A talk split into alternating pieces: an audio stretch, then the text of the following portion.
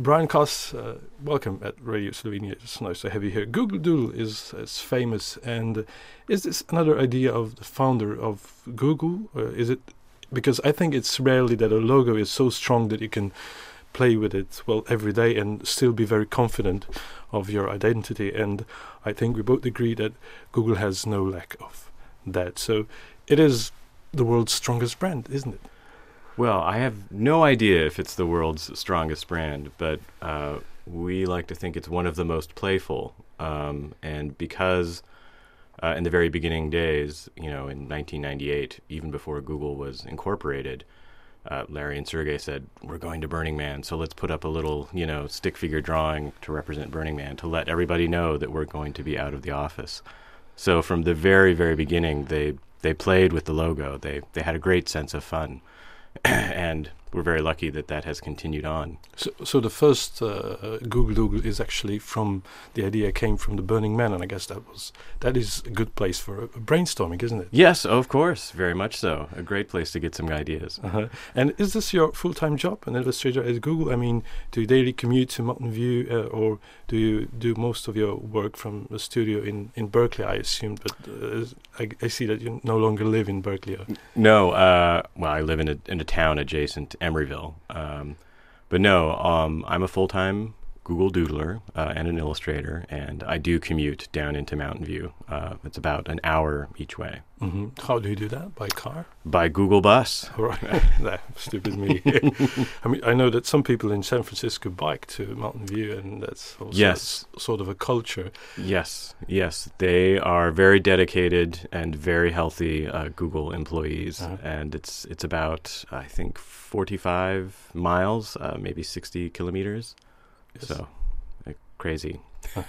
have you seen internship? I honestly have not seen it, uh, though I remember seeing the Hollywood actors wandering around uh, the campus, and sort of I did my best to avoid them. I saw them in San Francisco while they were shooting the film. Uh, so uh, Google Doodle is, that comes as a surprise to me is patented, and I'm not sure that what does that mean. And can you help me? Uh, I think it's because the way in which we go about it is unique, um, and there are other internet companies out there in the world that basically wanted to take the I think maybe the name Doodle, and so it was a standard precaution as far as I know, mm-hmm. but. I honestly don't know very much about the, the patent of the doodle. Um, I think it was more the the process and the idea of changing the logo for certain events and anniversaries. I see. Uh, is there a definition of what sort of events does Google most often depict and illustrate? Uh, and I wouldn't be surprised if there was an algorithm for that, but I guess it's much simpler than that. No, the there is there is a it's still somewhat of a messy human process. Uh, there's a lot of debate, a lot of discussion.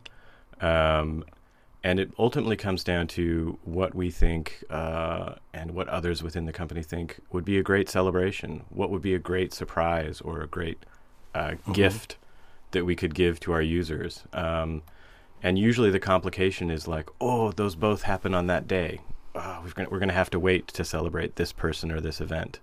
So it's it's honestly something that we hope that when people, you know, wake up in the morning, they have, you know, maybe have mm-hmm. their first coffee or tea, and they log on and they happen to be doing some work, and they're like, oh, what is this? Oh, you know, I remember this, or oh, I didn't know that. Um, so it's sort of a moment that hopefully mm-hmm. is a mm-hmm. little bit of discovery and fun, and then you move on with the rest of your day. Mm-hmm. We hope. Sometimes Google is criticized for not featuring American patriotic events such as Memorial Day and Veterans Day. Mm. I see it can quickly become a political issue, and here as an illustrator, you do have an enormous powers. How often do you use it yourself, not necessarily in connection with uh, Google Doodle? In most cases, the process of deciding goes uh, quite a bit around within the team and within Google. The decisions are sort of not made lightly. And we do have to look at is this going to be a sensitive topic? Will it upset people? Because it should be it should be a, a thing that is fun and joyful and celebratory. Um, so we never want to pick. We are very careful not to pick subject matter that is particularly divisive. And there are occasions uh, where we say, "Oh, you know, that's just too sensitive.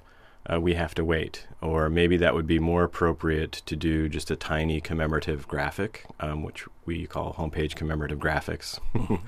um, for things like uh, the Egyptian Revolution. So in Egypt, we often will say, okay, you know, here's a little marker to denote that this happened. And it's not a full illustration because um, mm-hmm. it's just too much, perhaps.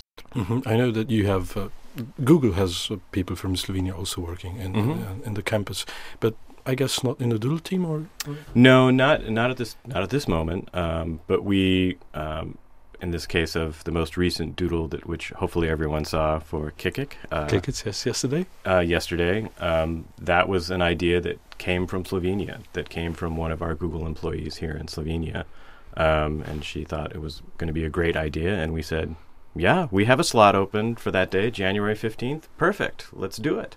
And you designed it, if I'm correct. I did, I did. So I was very happy to do it, uh-huh. and I watched.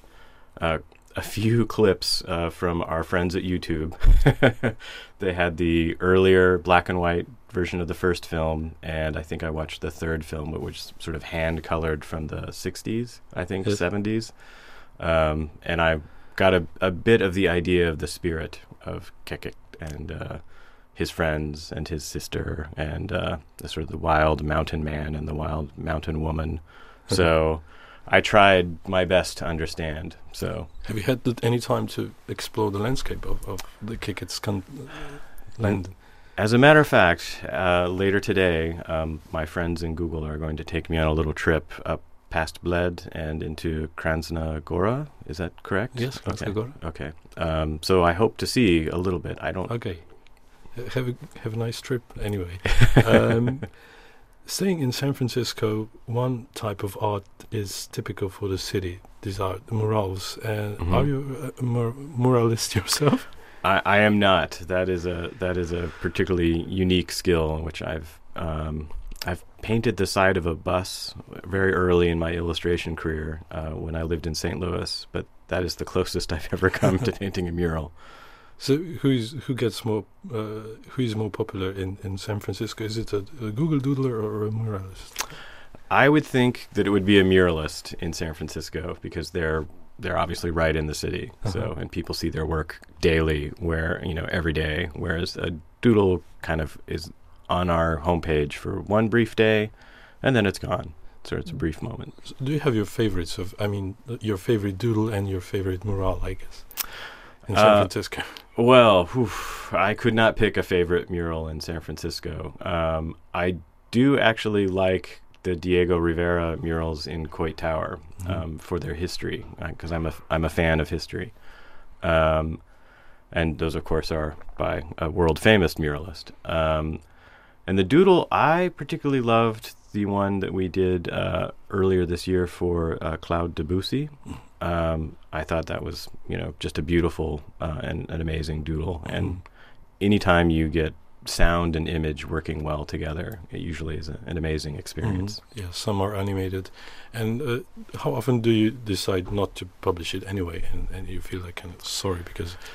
Uh, it's it's very rare, and it's it's usually uh, for a very uh, boring and all too uh, often occasion where we run out of time. Um, and it's just not to our standards. Uh, we have very high standards in terms of quality.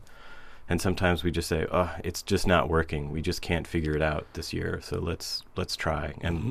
luckily for us, we can usually we can usually wait a year or two. But sometimes you also open a competition, which is the recent case mm-hmm. of uh, in, in, Slovenia. And yesterday, you've chosen the best doodle from Slovenian school mm-hmm. competition. Uh, I also saw other ones, and I guess it was really hard to decide. What do you look after when you're choosing the best one? What what is the most relevant uh, characteristic of, of, of a good doodle? I think you know the thing that we're always looking uh, for doodles that we make and for the ones that the children make. We're always looking for the delight. Is there a good story? Is it fun? Um, is it capturing the idea that the artist wants to express? And in the case of the winner, uh, Max, uh, he did a brilliant job of sort of bringing in all of Slovenia into his uh, doodle and uh, really really capturing, I think, his experience as a Slovenian and his friends and the things that he enjoyed. Um, and yeah, it's it's really that simple, I think, in many Mhm. ways. Uh, Brian Kaas, you're obviously all very visual type of person, but where do you stand when it comes to radio? Ah, ah, I'm a. We're all actually quite big fans of uh, radio, especially public radio. Um, the team that I work on is all based, for the most part, in the U.S.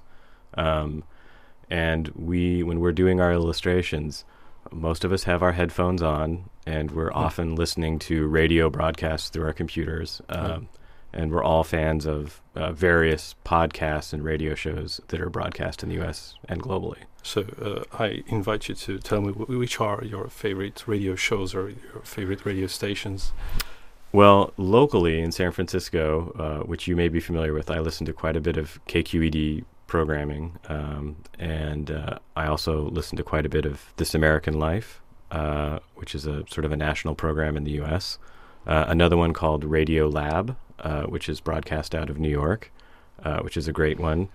And I also listen to a sort of a an entertainment show called WTF with a comedian, an American comedian, is the host uh, called Marc Maron, uh, which I've enjoyed quite a bit. So because he interviews a wide range of Mhm. artists and actors and musicians. So I should rephrase these questions.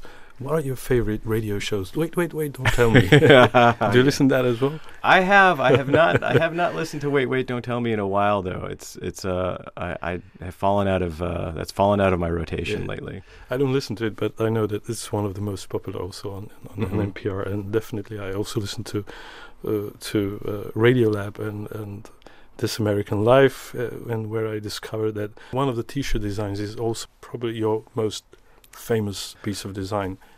I th- I th- oh, at least among my uh, my friends uh, when it when it uh, it was a contest and when I won it I said oh you know check it out everybody uh, my T-shirt is going to get printed and so it, it's a very popular show so it's a it's a little bit it got the most attention I think for Yes. the most part so yeah Although that you're a full-time job at Google, this doesn't mean that you you're restricted to only draw for for Google. No, of course not. Um, in the in the past, I was a freelance illustrator, and I did quite a bit of work uh, uh, doing information graphics and sort of more traditional graphic design. And I still try and do that on the side when I can for small projects and friends and uh, old uh, coworkers. But I have to say, in the past year, I have not had very much time uh, to do any of that, and so Okay. it's just sketching and drawing for fun and, and for entertainment for myself lately. Okay, just one last question. Sure. As, as I'm recording, can we use any of your illustrations for to to be fi- to uh, for the feature story on the web? Oh, sure. okay? Yeah, if you yeah, you should be able to get things from my website Yeah, if you exactly to. from yeah. your website. Sure. So I will credit you, of course, but just Yeah. m- to make sure that I have your permission and now Of it's course. recorded. And Yes, It's you've got it recorded. You have my official permission. thank you, thank you, Brian Sure. Kaas. It was a pleasure talking to you. Thank you. Thank you.